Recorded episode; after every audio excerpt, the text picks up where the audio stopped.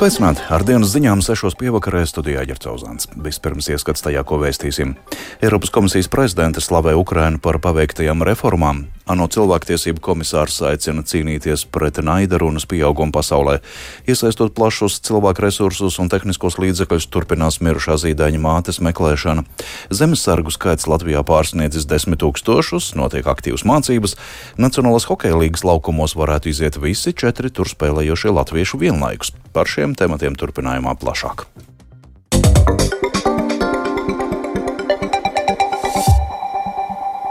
Eiropas Savienība ir patīkami pārsteigta par Ukrainas veiktajām apjomīgajām reformām laikā, kad tā turpina aizstāvēties pret Krievijas agresiju. To šodien viesojoties Kijivā uzsvēra Eiropas komisijas prezidenta Urzula Fonderleina. Viņa atkārtot apliecināja, ka Eiropas Savienība turpinās atbalstīt Ukrainu karā pret Krieviju. Savukārt Ukrainas prezidents Valdimirs Zelenskis sacīja, ka viņa valsts neraugoties uz sarežģītajiem apstākļiem nelūgs atlaides, lai varētu sasniegt savu mērķi iestāties Eiropas Savienībā. Turpina Uldis Česbērs.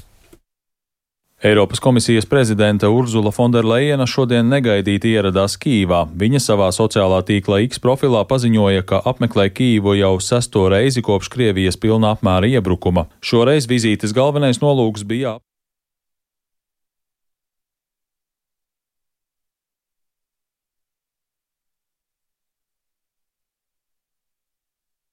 Eiropas komisijas prezidente Urzula Fonderleina šodien negaidīti ieradās Kīvā. Viņa savā sociālā tīkla X profilā paziņoja, ka apmeklē Kīvu jau sesto reizi kopš Krievijas pilna apmēra iebrukuma. Šoreiz vizītes galvenais nolūks bija apspriest Ukrainas virzību uz Eiropas Savienību.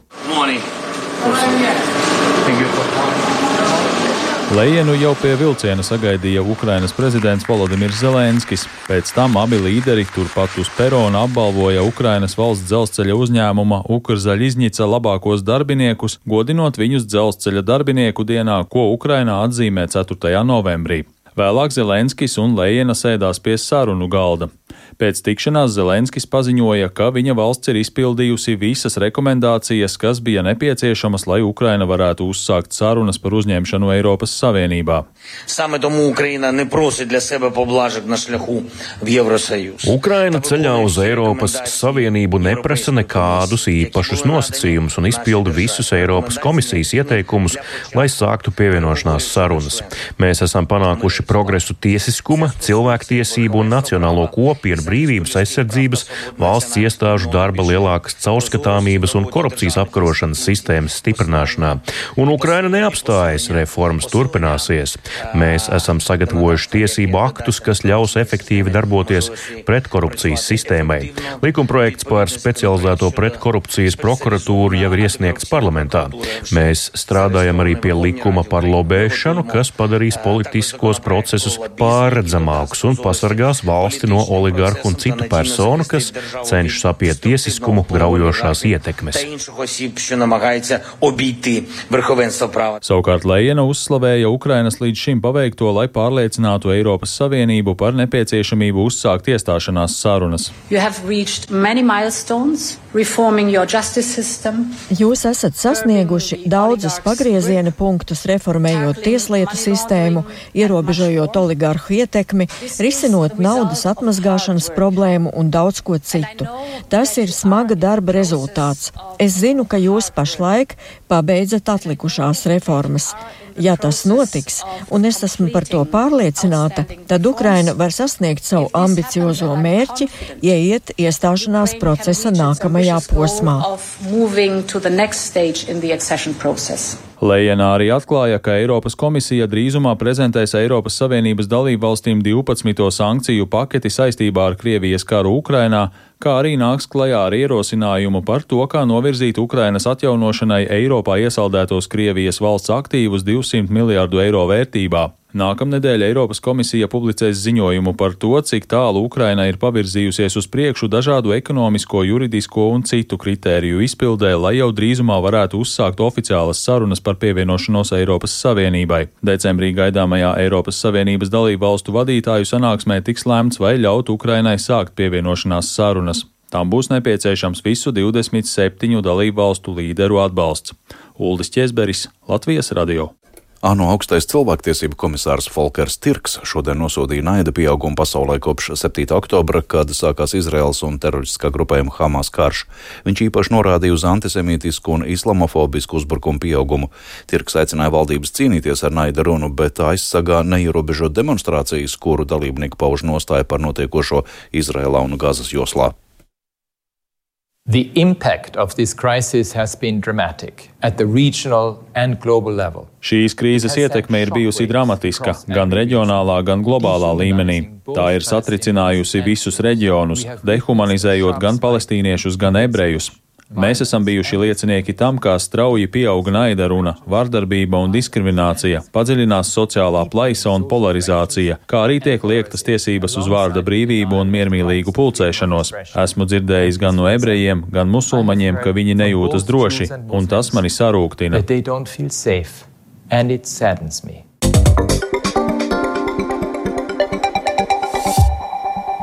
Lielākās ikgadējās zemesardzes mācības namēs, kas ierasti notiek septembrī un oktobrī, ir beigušās, bet arī šajā nedēļas nogalē daudz viet Latvijā var redzēt darbībā zemesargus. Kā skaidro zemesardzes komandieris Kaspars Pudāns, tik intensīvs zemesargu apmācību cikls saistīts ar lielo jaunu uzņemto skaitu. Tas jau pārsniedz desmit tūkstošus. Vairāk par to ievas puķis sežetā. Kuldīgas novada Nīkrāces pagasts un Saldus novada Pampāļu pagasts ir viena no vietām, kur līdz svētdienai iedzīvotājiem var gadīties vērot zemesardzes aktivitātes. Notiek 4. kurzemes brigādes 45. kaujas nodrošinājuma bataljona plānveida mācības, lai uzturētu un pilnveidot bataljonu kaujas spējas. Zemesardzes komandieris pulkvedis Kaspars Pudāns skaidro, ka tas nav nekas ārkārtējs. Pat labāk gandrīz katru nedēļas nogali katrā valsts reģionā ir kādas zemesardzes mācības mācības, pārsvarā Latvijas valsts mežu teritorijā. Pirmā Rīgas brigāde vingrinās, gan arī austrumu pierobežā bataljoniem mācības notiek. Intensitāte noteikti ir pieaugusi, bet uh, pamatojums viens ir tam, ka mums ir pieaudzis arī mūsu zemesargu skaits.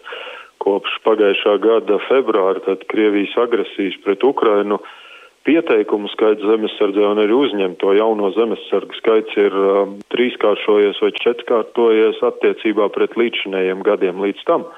Kas nozīmē, ka skaidrs mums ir vairāk jauno zemesargu, kuri jāapmāca, ir daudz vairāk bijušas pamata apmācības nometnes visos reģionos, bet īpaši tieši Rīgas apkārtnē. Kāds šobrīd ir uh, skaits zemesardzē?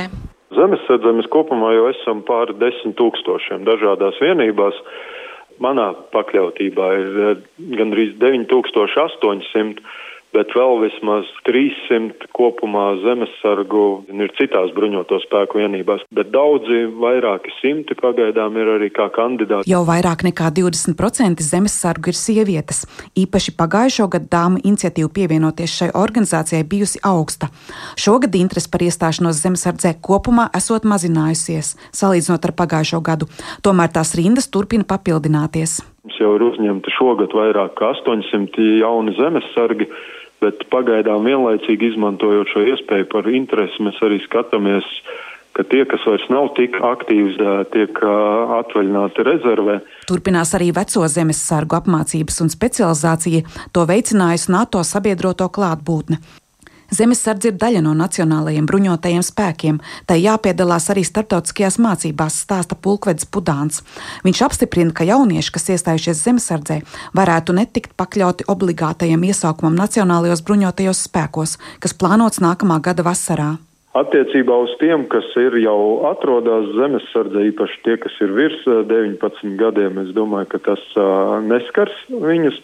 Bet, protams, tie, kas vēl pagaidām nav brīvprātīgi iestājušies zemesardzē vai mēģinās to izdarīt pēdējā brīdī, tad tur varētu būt jautājumi par to, vai viņi kvalificējās iesaukumam vai nē. Arī šī opcija ir pieejama. Arī pabeigt iziet valsts aizsardzības dienestu kā zemesardze, piecu gadu dienestu. Valsts aizsardzības dienesta iesaukums janvārī 120 karavīri ir nokomplektēts un pat pārsniegts, bet nākamais iesaukums jūlijā 480 karavīri, kā jau izskanējis iepriekš, varētu būt obligāts. Tam brīvprātīgi vēl var pieteikties līdz 1. decembrim. Dienests notiks Ādažu bāzē, mehanizētajā kainieku brigādē. Ieva Puķe, Latvijas radio. Pagaidām nesekmīgi turpinās Ānas Jansons meklēšana. No mājām kopā ar zīdeni aizgājušo sievieti meklē kopš 1. novembra vakara. Mazoli vakar no rīta atrada mirušu īrētā automašīnā. Šodien meklēšanu turpina valsts policija, zemesardze, arī nevalstiskās cilvēku meklēšanas organizācijas, iesaistīti arī tehniskie palīgi līdzekļi. Valsts policijā sacīja, ka vienlaikus notiek arī ekspertīzes un izmeklēšana krimināla procesā par mazoļu nāvi. Bērna tēvs atzina, ka sieviete cīnījās ar pēcdzemdību depresiju. Policija aicina iedzīvotājus, kuri varētu palīdzēt Lietānas Jansons meklēšanā ar noderīgu informāciju zvanīt pa tālruņa numuru 110. Psihiskas saslimšanas, tā skaitā depresija, Latvijas sabiedrībā bieži vien netiek akceptētas un izprastas. Tā par šai traģēdijai pievērsto pastiprināto uzmanību un komentāriem sociālajos tīklos, kuros izskanējusi arī naida runa pret Ānas Jansonas ģimeni, saka sociāla antropoloģija Latvijas universitātes profesore Aivita Putniņa.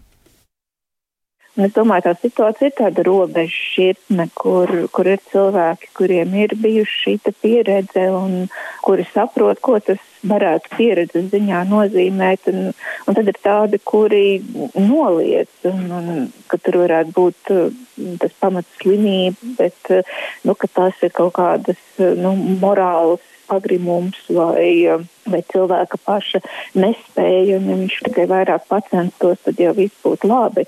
Un, nu, tā ir droši vien nu, tāds pārējais posms, kur cerams šo palīdzību cilvēki nu, ar laiku varēs daudz labprātāk pieņemt. Ņemot vērā, ka tas bija nomas auto, ka tur būtu ļoti bijis viegli atrast nu, un, un daudz ātrāk jau. Bet nu, es, es neesmu policijas un, un izmeklēšanas darba speciālists. Un, un lasot tos notikumus, man tīri subjektīvi neradās pārliecība, ka tur tika izdarīts varbūt viss un ka šādās situācijās droši vien bet policija jau apgalvo, ka viņi ir rīkojusies uzreiz. Tā kā grūti pateikt, kāpēc to mašīnu atrada um, krietni vēl, ņemot vērā, ka tur bija augsts risks un tur bija maz zīdainis.